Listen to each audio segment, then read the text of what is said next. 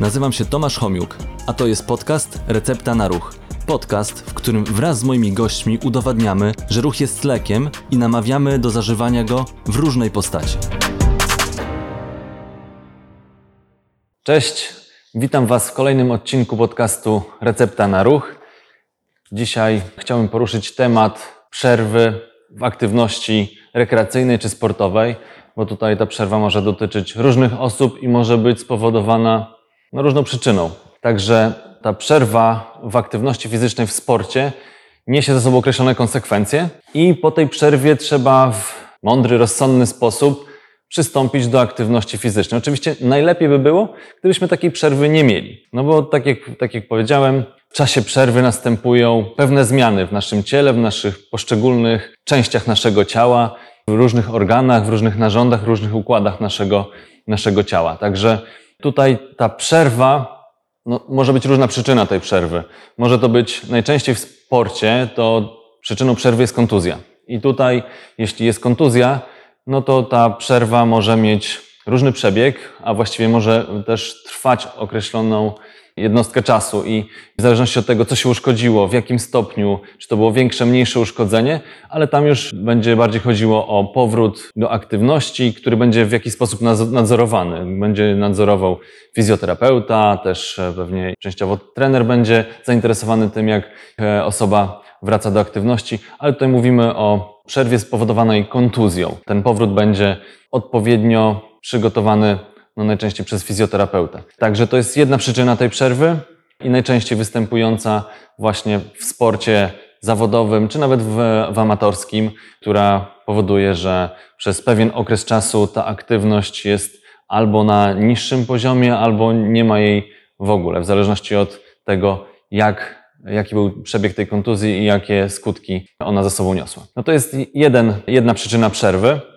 Inne przyczyny mogą być bardzo różne. To może być przerwa spowodowana jakąś inną chorobą, może być przerwa spowodowana naszym lenistwem. Czasami tak się zdarza, że no po prostu sobie odpuszczamy na jakiś krótszy czy dłuższy okres czasu w ogóle aktywność. To może być stan psychiczny, to no, wiele różnych przyczyn może powodować, że mamy albo dużo mniej, mniejszą aktywność fizyczną, albo w ogóle jej praktycznie nie mamy. I tutaj już nie mówię o takich ekstremalnych przypadkach, kiedy ktoś jest zmuszony do leżenia w łóżku przez dni czy tygodnie, no bo wtedy takie zmiany spowodowane z tą przerwą są olbrzymie i zauważalne właściwie w całym naszym ciele. Podejdę do tego w ten sposób, że w zależności od tego, co jest przyczyną tej, tej przerwy, kto, bo to też jest ważne, czy ta przerwa jest właśnie u sportowca, który jest na super wysokim poziomie, czy to jest u sportowca amatora, czy to jest u osoby, która właściwie tak nie za bardzo w sport, a raczej w takie aktywności typu chodzenie, spacery, właśnie jazda na rowerze, takie aktywności codziennie, które się wykonuje zazwyczaj. Także pierwsza rzecz, no to kto uległ takiej przerwie, czy, czy właściwie kogo ta przerwa dotyczy. A kolejna sprawa, ile czasu też trwa ta przerwa. Bo tutaj prowadzono różnego rodzaju badania, które mówiły o tym, w zależności od tego właśnie, czy to dotyczy osób wytrenowanych, czy u osób, które właściwie są na takim poziomie rekreacyjnym, to jakie będą skutki takiej przerwy. Jeśli chodzi o osoby bardzo dobrze wytrenowane, czy sportowców, takich, którzy się przygotowują do jakichś zawodów, no, osoby, które bardzo poważnie podchodzą do sportu, do, do aktywności, mają określony proces treningowy rozpisany, trenują dużo, intensywnie, to wtedy nawet krótkie przerwy będą u nich skutkowały jakimiś zmianami. I krótka przerwa, w takim jednym z badaniu, które, które znalazłem, analizowano przerwę, która trwa do 4 tygodni, czyli ta krótka przerwa, i przerwa, która trwa powyżej 4 tygodni. I przy nawet u sportowców, którzy właśnie trenują intensywnie, są na wyższym poziomie wytrenowania, to nawet taka krótka przerwa, czterotygodniowa przerwa powodowała spadek maksymalnego e, poboru tlenu, czyli tego VO2 max o 4 do 14%. U tych sportowców przerwa, która trwała dłużej niż 4 tygodnie, powodowała spadek tego parametru od 6 do 20% czyli powyżej 4 tygodni. Tam od 4 do 8 tygodni badano. Także ten parametr, ten maksymalny pobór tlenu świadczy między innymi o naszej wydolności. Także tutaj widzimy, jak to może szybko się zmieniać w czasie, nawet jeśli ta przerwa trwa nie tam do 4 tygodni, czy powyżej 4 tygodni. U osób mało wytrenowanych badano, gdzie przerwa trwała od 2 do 4 tygodni, to ten maksymalny pobór tlenu spadł w procentowo 3,6% do 6%. Także dla porównania sportowcy i awansowani, wytrenowani i osoby, które bardziej amatorsko uprawiają sport. Ale jakby przez to, że trenujemy, no to nasz organizm adoptuje się i różne jego części, tak jak powiedziałem, czy, czy części e, ciała się adaptują do tego wysiłku. E, To są mięśnie, to jest serce, parametry biochemiczne tutaj się zmieniają, także przerwa wpływa też na, na inne parametry, czy na nasze ciało.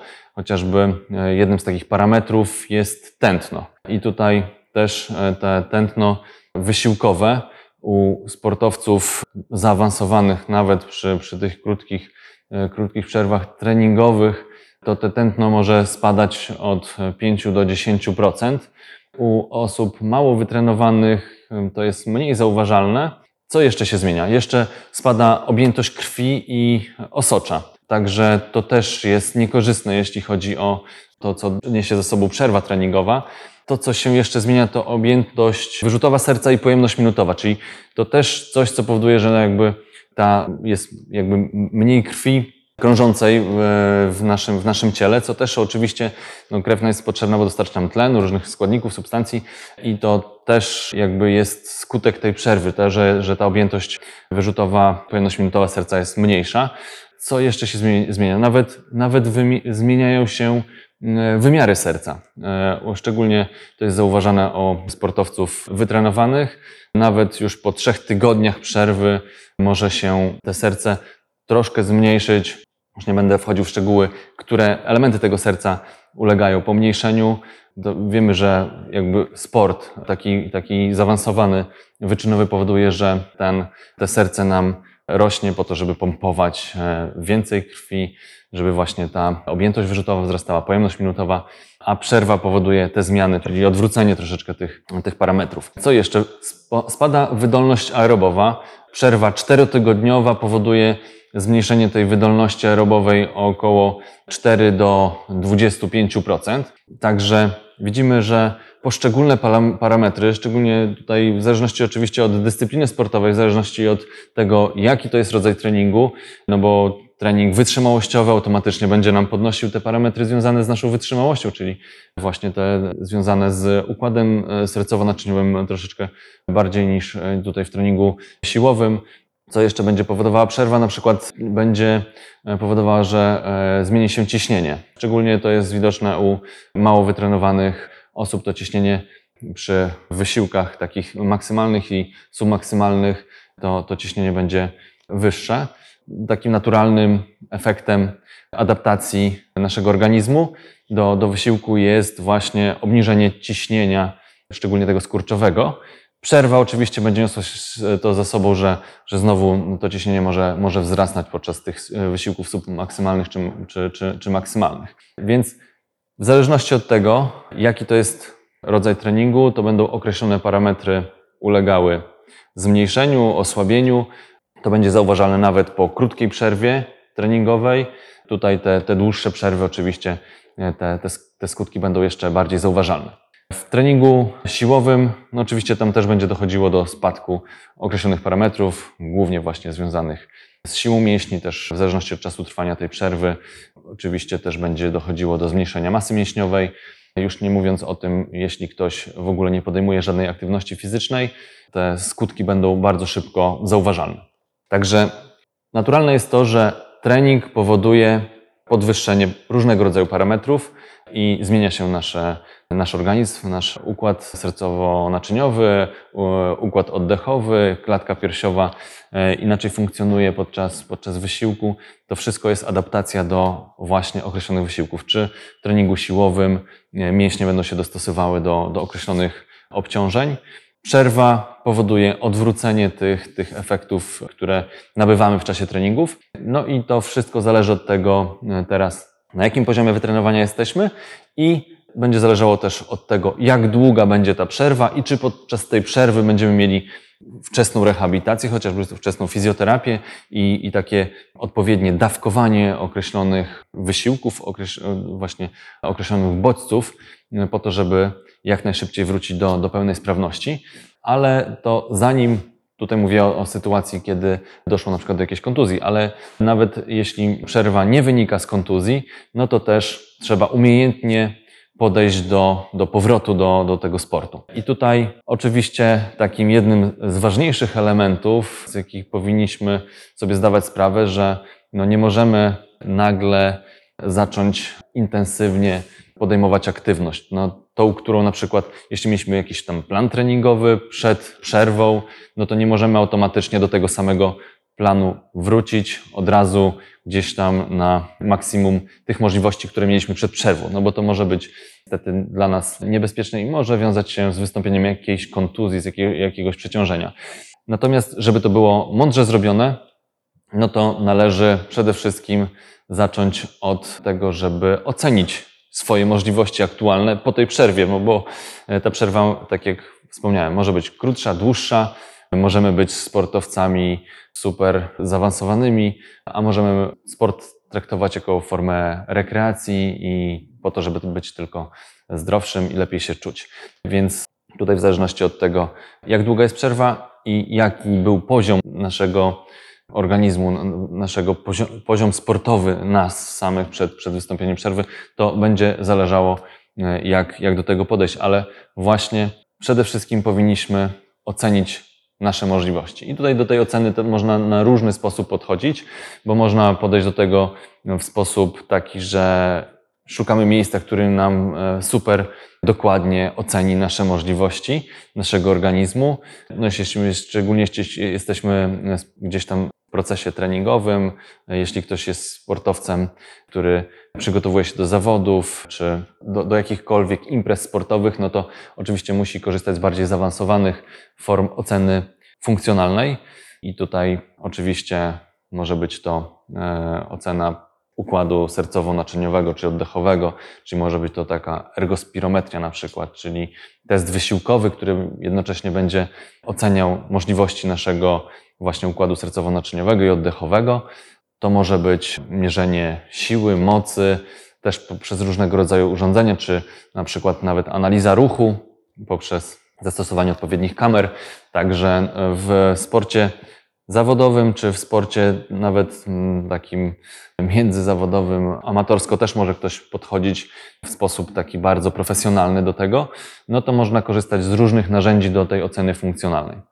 Natomiast no, nie każdy z tego korzysta i tutaj trzeba sobie czasami radzić na takimi bardziej domowymi sposobami, żeby ocenić siebie i po to, żeby zacząć po przerwie ten, tą aktywność, ten sport na odpowiednim poziomie, żeby nie przesadzić, ale też, żeby ta dawka nie była też za mała, no bo zależy nam na tym, żeby adoptować się, żeby cały czas tą poprzeczkę podnosić, e, po to, żeby osiągać efekty, e, lepsze rezultaty, no i wrócić jak najszybciej do tego poziomu swojego wytrenowania, który był przed przerwą.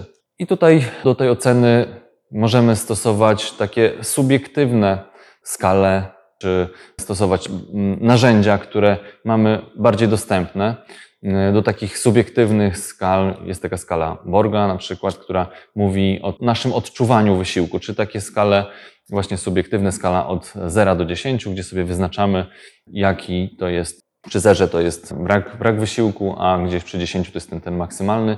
I jeszcze y, tutaj warto korzystać oczywiście z jakiejś drobnej pomocy w postaci analizy tętna, bo mamy możliwość bardzo, bardzo łatwo możemy sobie sami nawet to tętno zmierzyć. Wystarczy zegarek, odpowiednie miejsce przyłożyć palce i, i zmierzyć, jakie mamy tętno podczas określonego wysiłku. Inną taką metodą subiektywną, którą można zastosować do oceny intensywności wysiłku, o czym już pewnie nieraz w tym podcaście wspominałem, to jest test test mowy i śpiewania, dokładnie on się tak nazywa, dlatego że ocenia nam stopień intensywności treningu w zależności od tego, czy możemy swobodnie mówić, czy możemy swobodnie śpiewać. No, śpiewać to jeszcze trzeba umieć, ale to jest inna sprawa. Natomiast jeśli ja w tej chwili, nagrywając ten, ten podcast, jadę sobie na, na rowerku biurowym, to jest to wysiłek, jak widać e, na YouTubie, a tutaj pewnie nie słychać. Natomiast jest to wysiłek taki dla mnie lekki, dlatego że mogę swobodnie mówić i mi to w niczym nie przeszkadza. Natomiast wtedy, kiedy byłby to wysiłek dla mnie taki średnio intensywny, czyli umiarkowany, e, właściwie to, to jest umiarkowany lub lekki, ten, który w tej, tej chwili wykonuję.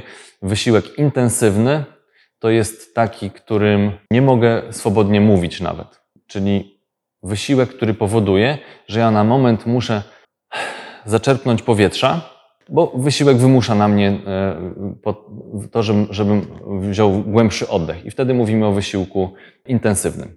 Czyli jeszcze raz, bo może to, tro- trochę to zagmatwałem.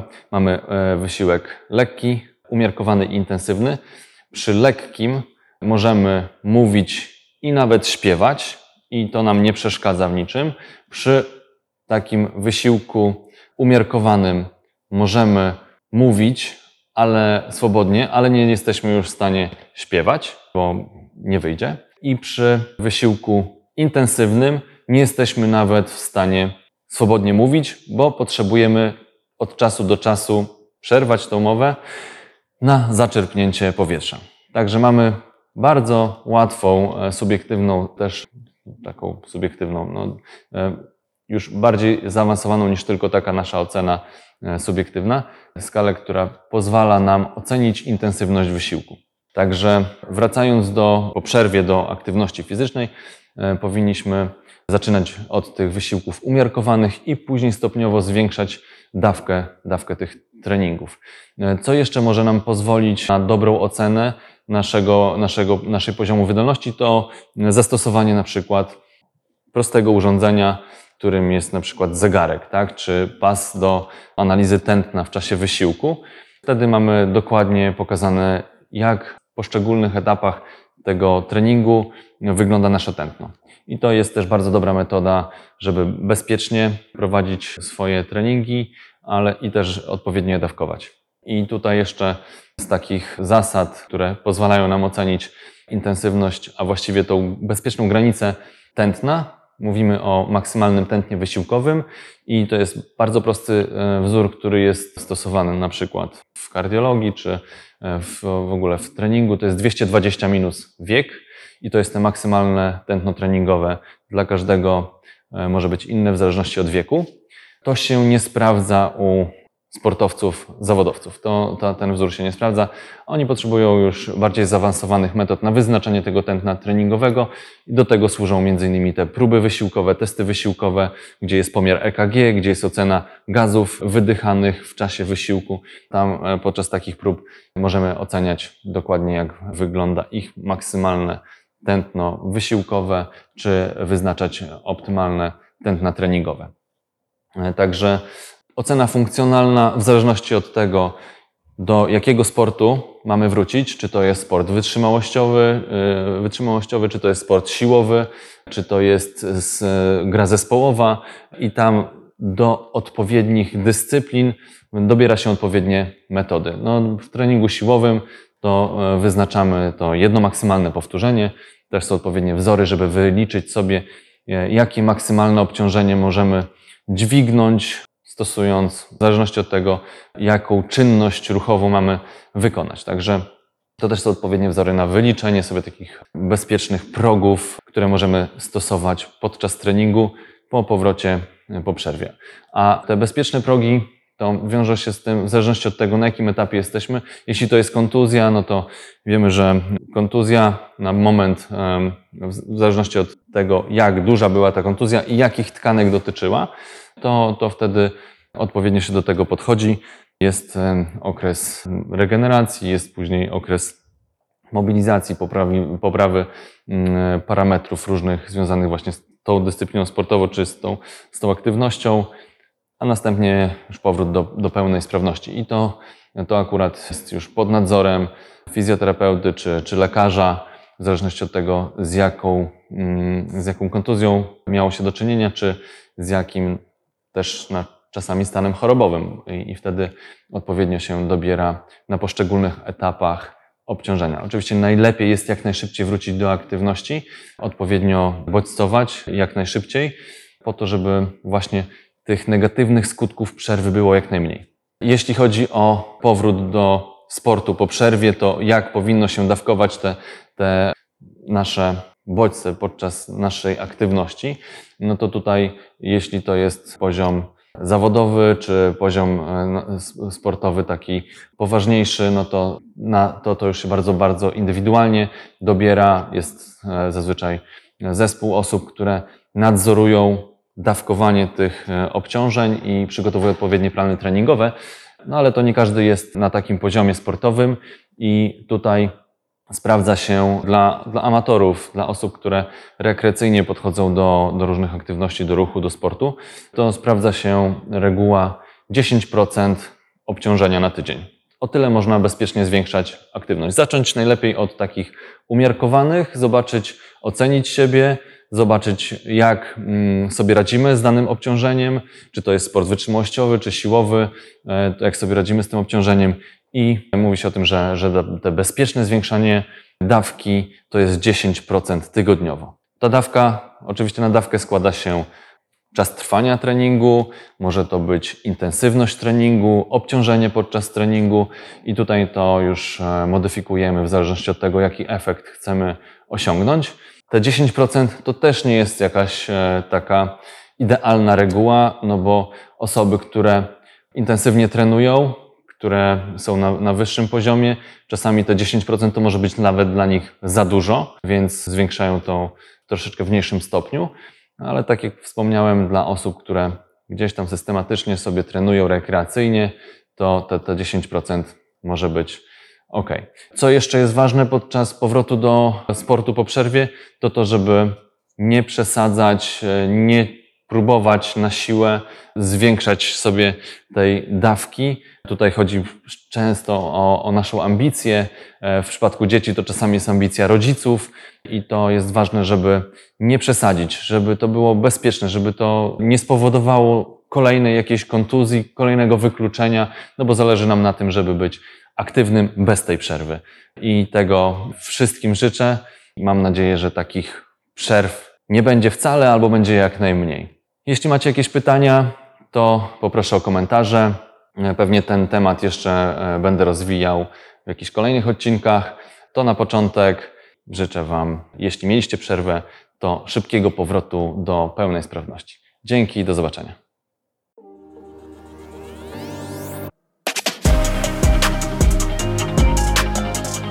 Dzięki, że byliście. Mam nadzieję, że zostaniecie tutaj na dłużej. Jeżeli chcecie być na bieżąco, zasubskrybujcie kanał Recepta na Ruch.